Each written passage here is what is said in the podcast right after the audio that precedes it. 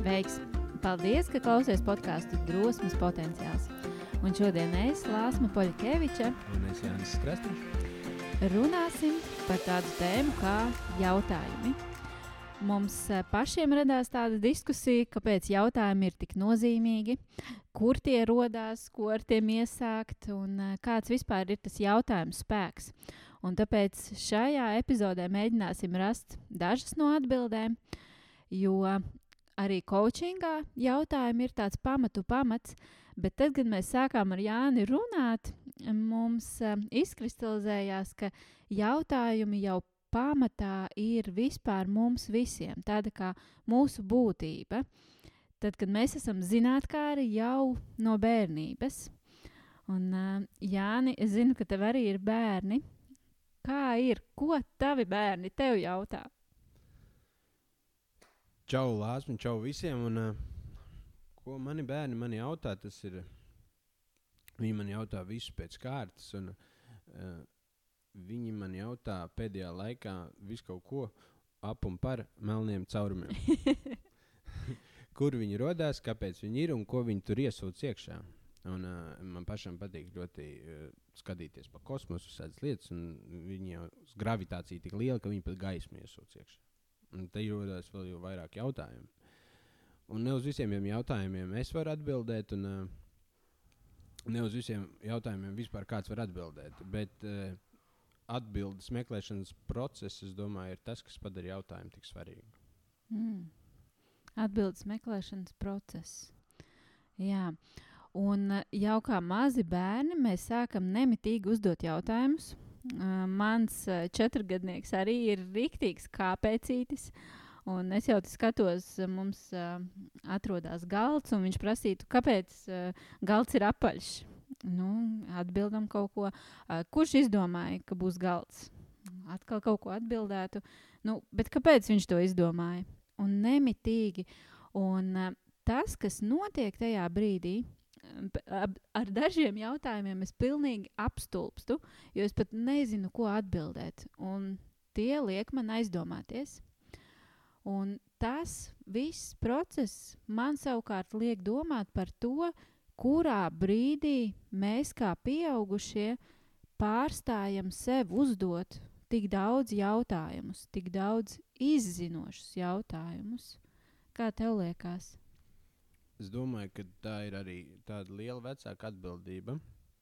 Mudināt to bērnu uzdot tos jautājumus un uh, atļaut uh, viņam ieraudzīt to tieši to me atbildes meklēšanas procesu kā tādu. Jo um, bieži vien arī man uh, regulāri ir uh, kaut kādi jautājumi, kurus man ir bail uzdot. Jo es esmu pakļauts eh, teiksim, briesmām, izlikties dumjāks nekā es Mm. varbūt esmu. Īstenībā tieši tik dumjš, cik es esmu gala beigās. Un, um, jo man liekas, ka man jābūt ir tai atbildēji, bet ne uz visu, un visiem ir jābūt atbildēji. E, Kā tu runāji par to galdu, par to galdu mēs varam paprasīt galdniekam. Es domāju, ka viņš mm. arī vēsturi zinās. Un, uh, mums jāzina tikai, kur meklēt un ko prasīt. Kad es uh, savā laikā, savā laikā es kā vecs būtu, bet uh, es, kad es lidoju avio kompānijā, uh, mums um, ir tāds type ratings, ka tu uz konkrētu lidmašīnas tipu vari uh, iemācīties lidot. Un, uh, kad tu liec tos eksāmenus, uh, galvenais tur nebija jāatrod uh, atbilde uz jautājumu, bet tev bija jāatbild, kur tos jautājumus meklēt. Un Limšīna ir tāda liela grāmata, kurā, ja kaut kas notiek, kaut kas teiksim, nesteidzīgs, to var atrisināt. Tas nav tieši tāds mm, uz desmit sekundēs, tas jāizdara. Ir memorija items, kā viņi saka, kas ir jāizdara ātri, bet ir lietas, kur tev jāatrod ir vienkārši tajā grāmatā. Un, um, un tas ir tas, uz ko tā, tā sistēma mudina iemācīties meklēt atbildes. Un tas, ta, to mums ir arī domāju, ka skolā ir jāiemācās, jāiemācās meklēt tajās grāmatās atbildes. Mums viss nav jāatcerās. Jo galu beigās, lai cilvēka nejauktu inteliģence ar vienkāršu atmiņu, uh, ka mums ir laba atmiņa, mēs esam gudri. Tas to ne, galīgi nenozīmē. Mēs esam gudri, ka mēs mēkam meklēt atbildes un atrodam un uzdodam šos jautājumus. Un ar to mēs kļūstam arī viedāki. Un mēs, protams, izmantojam to, kas mums dots. Mm. Un šis man uzvedināja uz tādu metaforu, ja mēs paplašinām, tad arī mēs paši esam kā rokas grāmata sev, kur ir tās atbildes iekšā, un mums ir jāmācās vienkārši tās meklēt. Mums ir jāmācās meklēt tie jautājumi, kas palīdzēs pietuvināties tām atbildēm, jo es jau esmu tā, kas veido to savu dzīvi, kas plāno, ko un kā, un man ir jāieskatās sevi, lai meklētu tās atbildes. Un līdz ar to, ja mēs uh, skatāmies tagad uz to satura rādītāju, varbūt um, mēs varētu ar tevi padalīties un paskatīties, kas tad ir tie jautājumi, vai kādiem tiem ir jābūt, lai tie palīdzētu atrast īstās atbildes. Jautājumiem, kā es to redzu, ir jābūt īsiem, skaidriem un saprotamiem. Un uh, konkrētiem, lai jautājumu var saprast. Tas ir, es domāju, vissvarīgākais, jo bieži vien coachingā, coach sāk mācīties, viņi sāk paskaidrot jautājumu.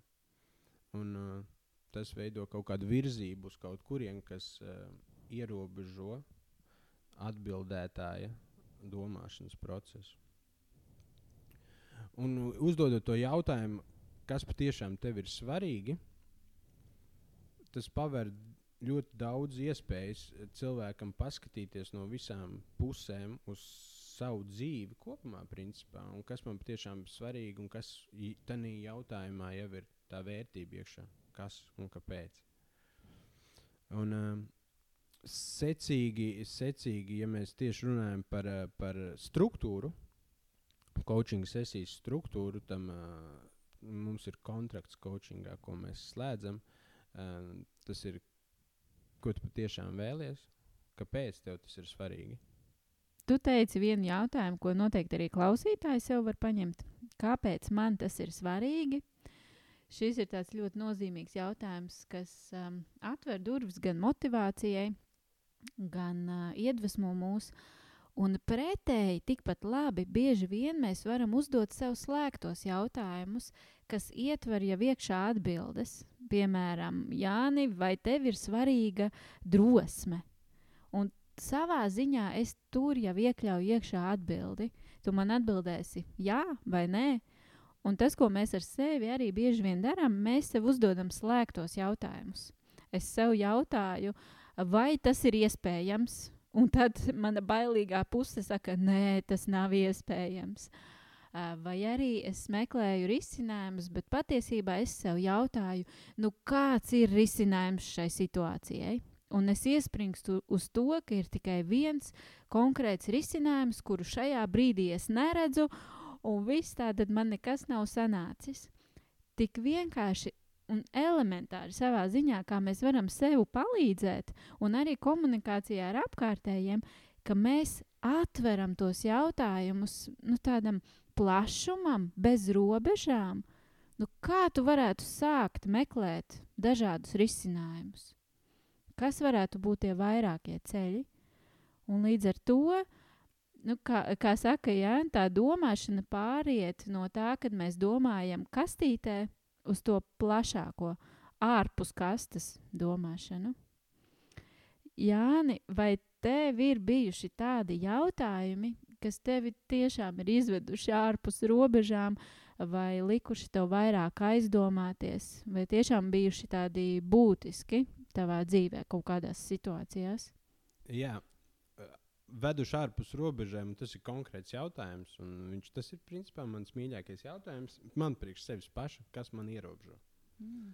Kas man ierobežo kaut ko paveikt vai kaut ko izdarīt, un tas, kas man ierobežo sasniegt to, ko es vēlos. Un paskatoties, ir tāda, ir tāda pat spēle, ja varbūt kāds zina, ka ir seši punkti, un mums jāizvelk cauri trīs strīpām. Mm un uh, kas man ierobežo.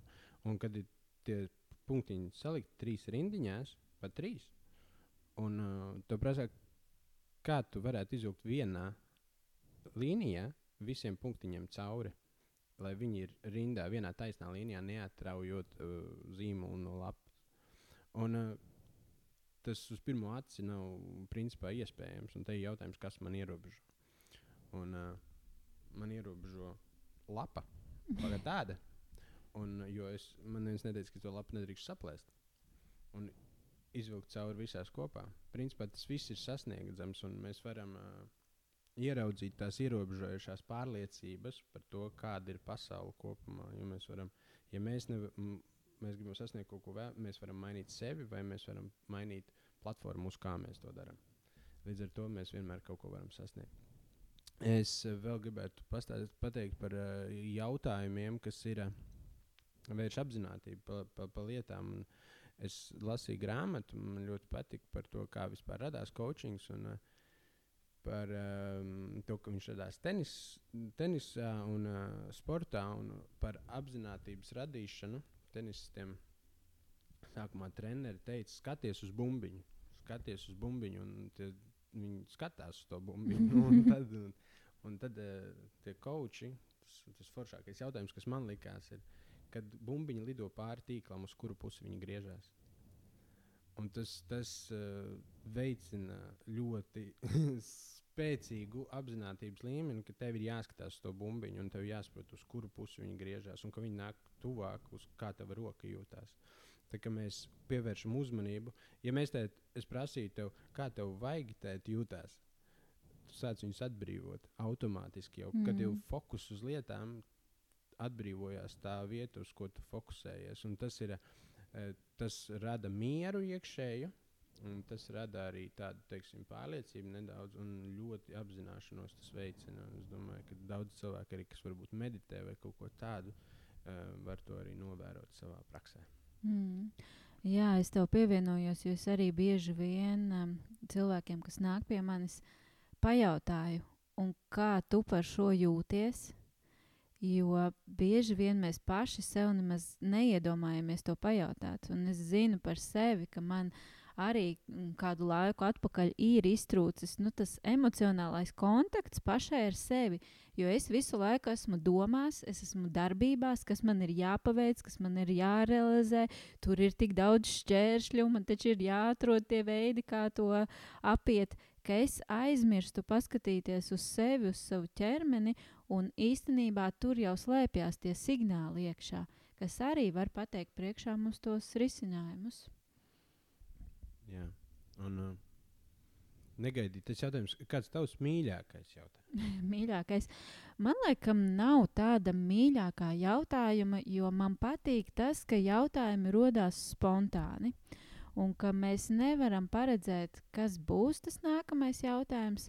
Skaidrs, ka mums coachingā ir kaut kādi tie pamat jautājumi, bet tāpat laikā mēs viņus arī varam variēt un, uh, un dažādot. Bet, uh, ja man būtu jāizvēlās, es varbūt tev atbildēšu, kas man ir bijis tāds nozīmīgākais jautājums. Un no otras puses, tas ir arī viens no pamatjautājumiem, tas, ko es patiešām vēlos. Jo man ir bijis tā, ka man ir tiešām grūti uz to atbildēt. Un, nu, tā, lai nenobaidītu cilvēkus, ka liekas, atnāks uz coaching sesiju un tagad uzreiz pajautās, nu, ko tu gribi. Un cilvēks nevarēs atbildēt, un tāpēc labāk nenākt. ka patiesībā jau tas var būt tāds ilgs process, caur sevi, iepazīstot sevi labāk un tikai nu, tādā ilgtermiņā saprast, ko es patiešām vēlos. Un vēl kāds jautājums, tāda man nesenā pieredze strādājot pašai ar koču. Kad es arī man likās, ka es esmu kaut kādu vienu līmeni jau sasniegusi savā darbībā, un man gribās nu, kā, iet tālāk, plašāk, nu, kā, darīt vairāk. Un, uh, mēs runājam, runājam, un es saprotu, es saku par to, ka jā, es esmu gatava uz simts procentiem iet un darīt, Un tad man pajautā jautājumu, Lāsma, ja tu esi cilvēks, kurš ir gatavs uz simt procentiem, kāpēc tu vēl esi šeit? Un šis bija tāds man tajā brīdī, tas um, pagrieziena punkts. Un tādi var būt tādi vairāki pagrieziena punkti, kad um, mēs saņemam arī tos izaicinošos jautājumus, kas mums liek vēlreiz paskatīties, nu jā, man taču tas ir svarīgi, vai es esmu uh, tāda vai šitāda, tad kur, kur priekš manīm ir tas izaicinājums? Kāpēc es vēl to nedaru?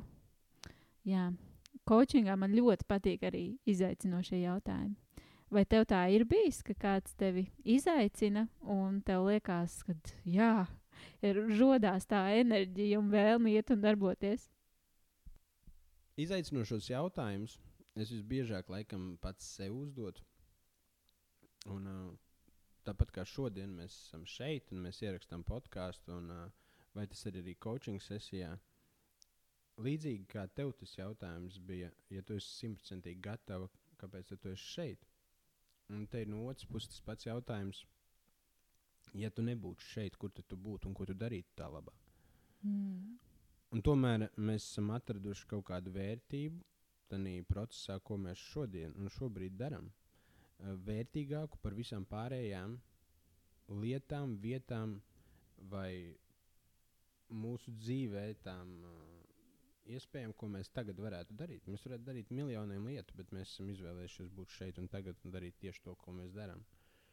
Un tāpēc ļoti svarīgi saprast un būt apzinātam par to, kāpēc mēs to darām un kā tas iet kopā ar mūsu dzīves vēlmi. Un, un kas mans jautājums ir, laikam, lielākais par vīziju un par nākotni, ir tas, kāds cilvēks es vēlos būt gala beigās. Nevis par to, kas es gribu būt un cik es gribu pelnīt, vai kur es gribu strādāt, vai kāds cilvēks es gribu būt un kādu vērtību es nesu savā dzīvē, savu tuvinieku dzīvē un vispār pasaulē. Un vai tas, ko es daru šobrīd un šeit sēžot, ved mani tuvāk tam? Mm. Un tas ir tas jautājums. Viņš, viņš, es neteiktu, ka tas ir izaicinošs, bet tas liek ļoti saspringt un domāt par tām lietām. Mm. Jā. Man liekas, tie tiešām ir jautājumi, ko ir vērts pierakstīt un sev regulāri atgādināt. Jo um, tu man arī uzvadināji uz domām, nu, kas ir tie jautājumi, ko es pieņemsim sev regulāri uzdodu ikdienā, jo man arī ir savs rīta rituāls. Un man uh, savukārt arī tikpat svarīgi liekas šis jautājums par uh, pateicību. Par ko es šobrīd varu pateikt paldies, ka tas iedod man savukārt tādu pamatu, novērtēt, kur es esmu šobrīd. Tā arī ir tā apziņotība. Un tad īstenībā vajadzētu salikt kopā ar to nākamo jautājumu. Tad kāds atgādināt sev, kāds cilvēks es vēlos būt. Jā, jo katru rītu es vizualizēju sev tos mērķus, kurus esmu. Un, jā, super, paldies, Jāni. Es domāju, es ceru, ka klausītājiem arī šis noderēs. Jā, man vēl ir viena lieta, ne viena lieta, ne mazāk svarīga, ir uh, pretī jautājumam, kāda ir tā atbilde. Un tā atbilde, kā mēs sākumā runājam, atbildes meklēšanas process. Tas radās aizvien jautājumu nākšu, kur tad mēs rodam to atbildi un kā mēs varam, kā tad es varu zināt, kāds cilvēks es vēlos būt. Kas ir tie resursi, kur es varu iegūt to atbildi uz tā savu jautājumu? Un nereti, nereti e, es priekš sevis viņus atrodu pagātnē. Ir ļoti daudz, es to, es to es saucu tā, ka es atveru savu miskasti un vēl kā ārā visu, ko es esmu darījis. Jo man ir ļoti daudz, e, teiksim, iet kursi visādi. Un, uh, es tos darīju nevis tāpēc, lai dabūtu kaut kādu diplomu vai kaut ko tādu, Bet uh, man vienkārši bija interesanti, jo interese vispār par cilvēku, par, uh, par procesu, kāpēc mēs te esam. Laikam tas bija tas jautājums, kurus mēģinu atbildēt, kāpēc es esmu. Kāpēc es esmu šai pasaulē, uz ko es esmu atnācis un priekš kam gala beigās. Un meklēju jēgu tam. Um, Tai atbildēju, un to atbildi es laikam neesmu atradis, bet, kā jau es minēju iepriekš, es atradu to tajā procesā. Un kamēr es izzināšu, tamēr es arī gribēšu dzīvot, kamēr es nebūšu atradzis šo jautājumu atbildi. Jo atbildē slēpjas principā beigas. Atbilde ir visi beidzies. Un, un tad, kad, tad, kad es nu, nomiršu, tad mēs varēsim zināt, kāds es esmu bijis. Bet uh, kamēr es esmu dzīves, es varu vēl būt kāds es vēlos. Un tas ir tas jautājums, kāds es vēlos būt. kur meklēt lāsmu, kā tev liekas, kur meklēt to resursu, vai kas ir tie resursi priekš tevīm, kur tu rodi tās atbildes uz tiem saviem jautājumiem? Mm. Jā, jo ir jautājumi, uz kuriem iespējams nu, nevar atrast atbildes. Nu, godīgi sakot, man bija tāds posms, kad es ļoti daudz domāju par uh, dzīves jēgu, kāpēc mēs vispār esam šeit. Uh, Un uh, es atceros, man bija tāda refleksijas dienas grāmata, kuras visu ko pierakstīju. Un vēl kā šodien, jo tas bija pirms jau pāris gadiem, es atceros um, no kāda raksta vai, vai video, tas bija, man bija pierakstīts jautājums, kas notiks, ja tu nekad neatradīsi atbildi uz šo jautājumu? Vai tu vari sev to pieņemt? Un tajā brīdī bieži vien arī ir tā maģija, kad saslēdzās, ka tu sev pieņem to, tu palaidi vaļā, un tad arī daudzas atbildes sāk nākt. Es nesaku, ka man ir atbilde, kas ir dzīves jēga, bet es sev veidoju šo izpratni ar tādu pieņemšanu, nu, ka tas ir ļoti, ļoti dziļš jautājums. Savukārt, uz citiem jautājumiem, kur rast to resursu, um, nu, man priekš sevīm ir tāds skaidrojums, ka es mēģinu saslēgties kopā to savu zemapziņu un apziņu, ja tā var izteikties, jo bieži vien tagad darbojas tas uh, apzinātais prāts, es visu laiku domāju, un tās ir tikai mūsu domas. Tad tur apakšā ir tās manas sajūtas, uh, kāds jāteiks, uh, dvēsele vai vēl kaut kas gars mans. Un to saslēdzot, Um, tikai neprasi man, kā to saslēgt. um, un, nu, bet īstenībā no otras puses, kā to saslēgt, ka mums ir jāatbrīvo bieži vien tas savs prāts, jo mēs esam pārāk tajā visā iekšā. Es varu atkal sev pajautāt, kā es šajā brīdī jūtos. Es varu ieiet nu, tādā līdzīgi kā meditatīvā stāvoklī, vairāk pievērsties savai elpai kad es jūtu, es sevi novēroju, ka man e, domas kaut kur tur lidinās, ienāk prātā, tad aiziet, bet es viņām nepieķeros. Un tad es varu sev pajautāt šo jautājumu, palaist gaisā, lai viņš vienkārši tur ir un mēģināt sajust, kāda varētu būt tā atbilde. Un tā lielākā problēma man liekas, ka ir tāda, ka mēs tik ļoti pieķeramies tam, ka mums vajag to atbildi. Ja jau mēs esam uzdevuši jautājumu, mums vajag to atbildi. Bet atkal, atbildes nāk tad, kad ļaujās tai plūsmai, un iespējams tad, kad visvairāk negaida to atbildi man šoreiz sanāca tāds ļoti, es pati jūtu, es nezinu, vai ezotērisks vai eh, mīklains skaidrojums. Bet um, jā, es ļoti tam ticu, ka nevienmēr visu iz, var izskaidrot, un nevienmēr visu vajag izskaidrot.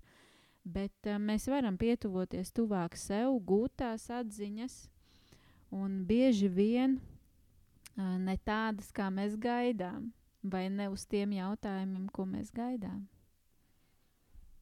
Oi, man visu, visu saprotu, visu zinu. E, un, un man, man, man atnāca atmiņā um, daudzas lietas. Es kā tas, ko tu saki, kad viņi neatnāk tā atbilde, uh, kad tu gribi, bet viņi atnāk, kad tev vajag. Un tas parāda vēlreiz to pamatā uh, lietu, ko es arī savā dzīvē teiksim, pielietoju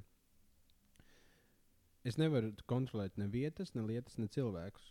Un principā, ja tā dziļi, dziļi iedzinās, es arī nekontrolēju pats sevi. Bet tas ir cits stāsts.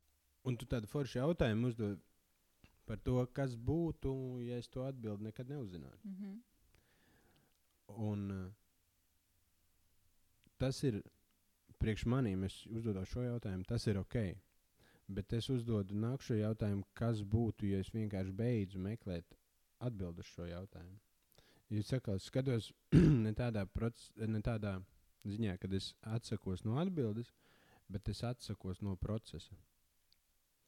Jo tā ir viena lieta, kad mēs kaut ko procesā meklējam, un otra lieta, ka es uzzinu. Un tālāk ir, kad es dabūšu atbildi uz šo jautājumu, ko es to informāciju iesākšu. Un priekš kam man tas svarīgi? Mm. Uzzināt to. Um, es gribu zināt, vai man, tur vīrs, sieva krāpj. Un ko es uzzināšu, un ko es to iegūšu, to informāciju, un ko es tālāk darīšu. Un, uh, bieži vien tie jautājumi ir tādi, uh, uz kuriem mēs uz emocijām meklējam to atbildi, bet priekš kam mums to vajag zināt? Ja mēs zinātu mm. visus pasaules noslēpumus, vai mēs vēl gribētu dzīvot šajā pasaulē, es domāju, ka nē. Tas atkal ir tas stāsts par to drošību un mūsu bailēm, ka mums gribās zināt nākotni, mm. lai justos droši, tad es nebaidīšos. Viss tagad būs tas stabilais pamats. Jā, un tā, tas pats arī uz bērniem at attiecās.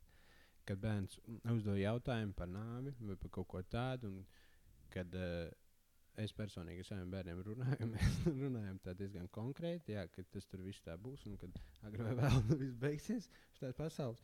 Viņš, eh, jā, viņš uztver, bet nu, bieži vien viņš, viņš to emocionāli uztver. Viņš skatās, un viņš runā par to, un viņš apzinās teiksim, to mirstību, mūsu mm. pašu mirstību. Un tur es domāju, ka ar to mirstību arī nāk tā atbildība dzīvē, ka nu, mēs neesam mūžīgi un, un, un tā, ko tad, ko tad mēs tajā procesā gribam un kā mēs viņu novērtējam. Jo, ja nav beigas, tad arī vērtības tam nav nekādas. Mm -hmm. Un tā pilnīgi noteikti ir tā zinātnē, ko no bērniem paņemt uz mums, kā uz pieaugušiem, turpināt, izzināt sevi, izzināt pasauli. Jo tagad, domājot tīri par jautājumiem, ja tas būtu tik vienkārši uzdot arī sev to pareizo jautājumu formulējumu un tad meklēt atbildi.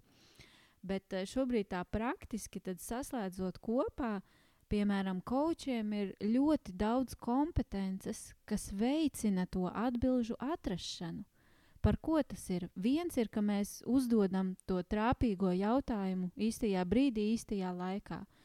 Vēl mēs dodam pēc tam laiku, ir tā, tā klusuma pauze, kad mēs ļaujam būt tam cilvēkam, ka viņš saprot, ka viņā ir visi resursi, viņš var uzticēties un, um, un ļaut, lai nāk tas viss teici, ka uh, ir pareizajā mirklī pareizos jautājumus uzdod.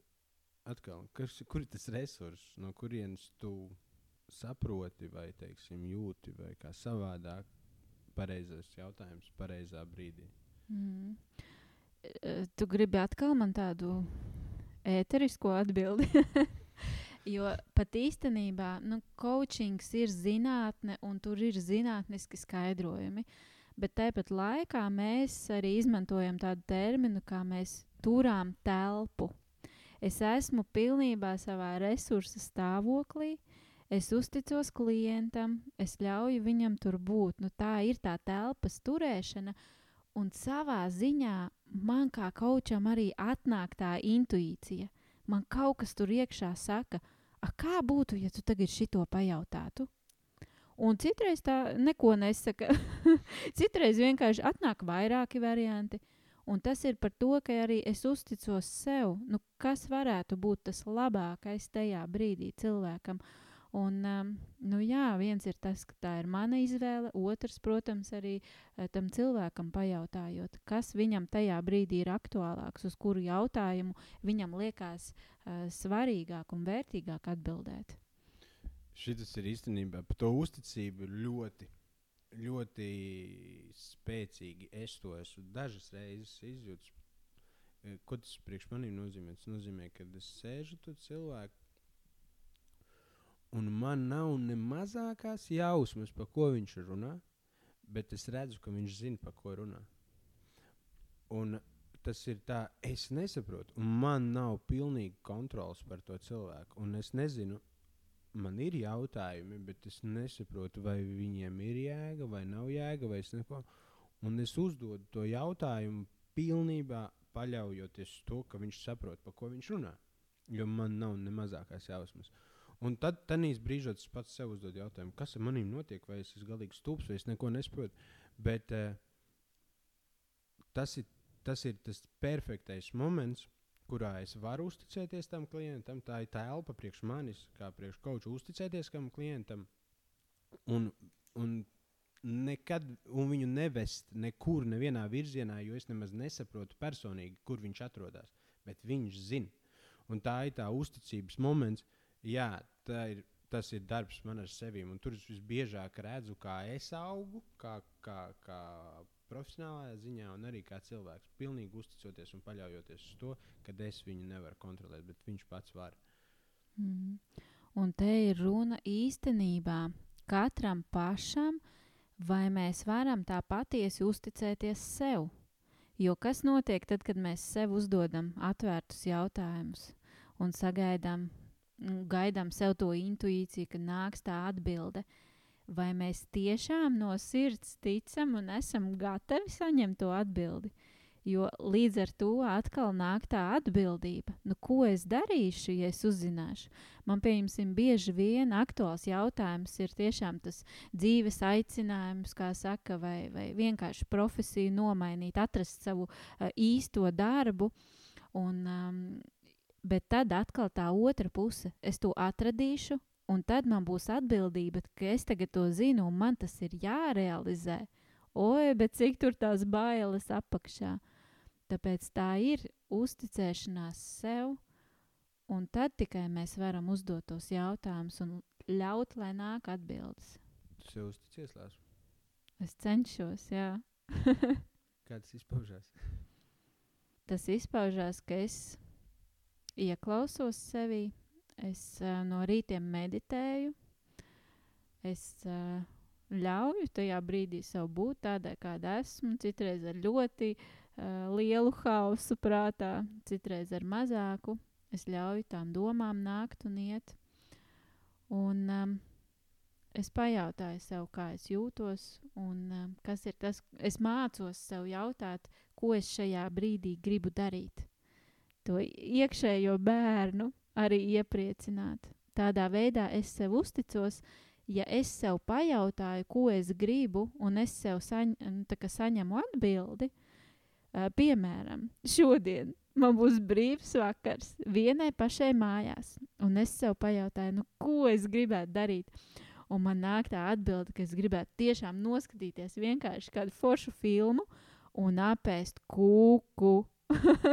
Bet realitātē es šobrīd uh, nu, jau no jaunā gada nēdu pēc sešiem vakarā. Es cenšos veselīgi dzīvot. Un tad ir, es sev pajautāju, nu, ko es ar to darīšu. Tagad teikšu, nē, viss tā uzticība pazūd. Ok, ja tas būtu kaut kas ļoti kritisks, iespējams, es ar sevi kaut kā sarunātu, bet šajā gadījumā es sev vienkārši to dodu. Tā kā es apbalvoju sevi ar to, ko es esmu sev prasījusi. Iespējams, tā kaut kā. Man ir vēl viens es pieņemu, ka iet uz beigām, tas ir viens no pēdējiem jautājumiem. Kas ir tas dzīvē, par ko tu visdrīzāk ļoti, ļoti kļūdies? es kļūdu. Pirmais, zini, kas pirmais man ienāca prātā par bērnu audzināšanu. Jo mēs, lai kā gribētu saprast to otru cilvēku, nu, tas ir gandrīz neiespējami. Viņam ir savs skatījums, viņam ir pilnīgi sava pasaules uztvere. Un lai es kā censtos vai mēģinātu uzticēties savai uh, intuīcijai, pilnīgi noteikti es tur pieļauju kļūdas. Bet es zinu, ka tas ir, ir ok, ka es mācos, ka es daru to labāko, ko es varu izdarīt ar savu saprātu, ar savām zināšanām. Uh, Un te arī, jā, gan uzticoties sev, gan pieņemot, ka noteikti ne viss ir ideāli. jā, tev pašam ir atbildi uz šo jautājumu. Man ir tādi momenti, es neteiktu tāda viena liela kļūda, teiksim, bet ir lietas, kurās es ieciklējos. Un tiklīdz es ieciklējos uz vienu konkrētu atbildi, es uh, noteikti zinu, ka viņi nav pareizi jo lietas mainās un lietas iet uz priekšu. Un, uh, nepārtraukti ir uh, pārmaiņas. Un, uh, es, es domāju, ka tā ir tā, kur es mēģinu tā apzināti skatīties. Ja šodien es domāju tā, nākamā dienā es domāju tā, tas viens, ko es domāju, nav tik svarīgi. Kā, uh, jo, ja es paņemu šodien vienu konkrētu domu, pēc gada tā doma būs pilnīgi nederīga. Jo apkārt tā situācija, kurā es viņu izdomāju, ir jau sen mainījusies. Līdz ar to viņai nav nekādas vērtības. un iekšējais tas pieķeršanās instinkts, kad es pieķeros lietām, savām domām, pašām vietām un cilvēkiem, un pat bērniem, kad es pieķeros. Uh, viņi aug. Tāpēc mēs bieži vien sakām, ah, bet viņš vēl joprojām ir maziņš, tāds un mīļš un foršs. Bet, nu, viņš ir mīļš un foršs, bet viņš aug. Viņš aug un attīstās, un tas viņš un laist viņu katru dienu vaļā. Nevis, kad pienāk 18, tagad es tev laižu, mēs nevarēsim atlaist, bet atlaist katru dienu to domu un to, to, to jebkuru situāciju vaļā katru dienu un katru mirkli. Principā, un tas ir tas, kur mēs ļaujam tam visam plūst. Jā, un zini, ar šādu uztveri mana tā filozofija vispār ir tāda, ka lielākoties dzīvē kļūdu nemaz nav. Kas ir? Ir mācības stundas, no kā mēs jā. varam mācīties. Jā, tie ir pakāpieni, uz kuriem mēs ejam. Jā. Tas, es pilnīgi piekrītu. Es arī es, tā, tā mana filozofija. Ja es savā mūžā esmu pieļāvis kaut vienu mazāko kļūdu, tad gadījumā es esmu šobrīd kļūda. Vismaz kļūdas rezultāts. Un līdz ar to, e, līdz ar to mēs, es esmu pateicīgs katrai savas dzīves dienai un minūtēm, katrai savai darbībai, lai kā arī viņi izskatītos, varbūt no ārpuses par to, kas esmu šodien. Galu beigās tas man līdz tam ir novedis. Un, uh, tas ir tikai mana bagātība, un no mm. tās nevajag kaunēties. Tāpēc man liekas, ka tas ir rītīgi forši. Un tad tur arī rodas tas kaut kāds autentiskums. Viņš, mm, protams, ka tas ego mēģina man apspiest kaut ko, nē, nē, nu, tā kā bailes un viss pārējais. Bet, nu, ok, kas notiks, ja es pārkāpšu, kas ir aiz tā? Un tas ir rītīgi forši. Man, man pašam, tas ir tas, kā es saku, tās tās problēmas iekšējās, ko es risinu, un kuras arī roda to dzīves jēgu un zinu. Tas ir, jā. Mm.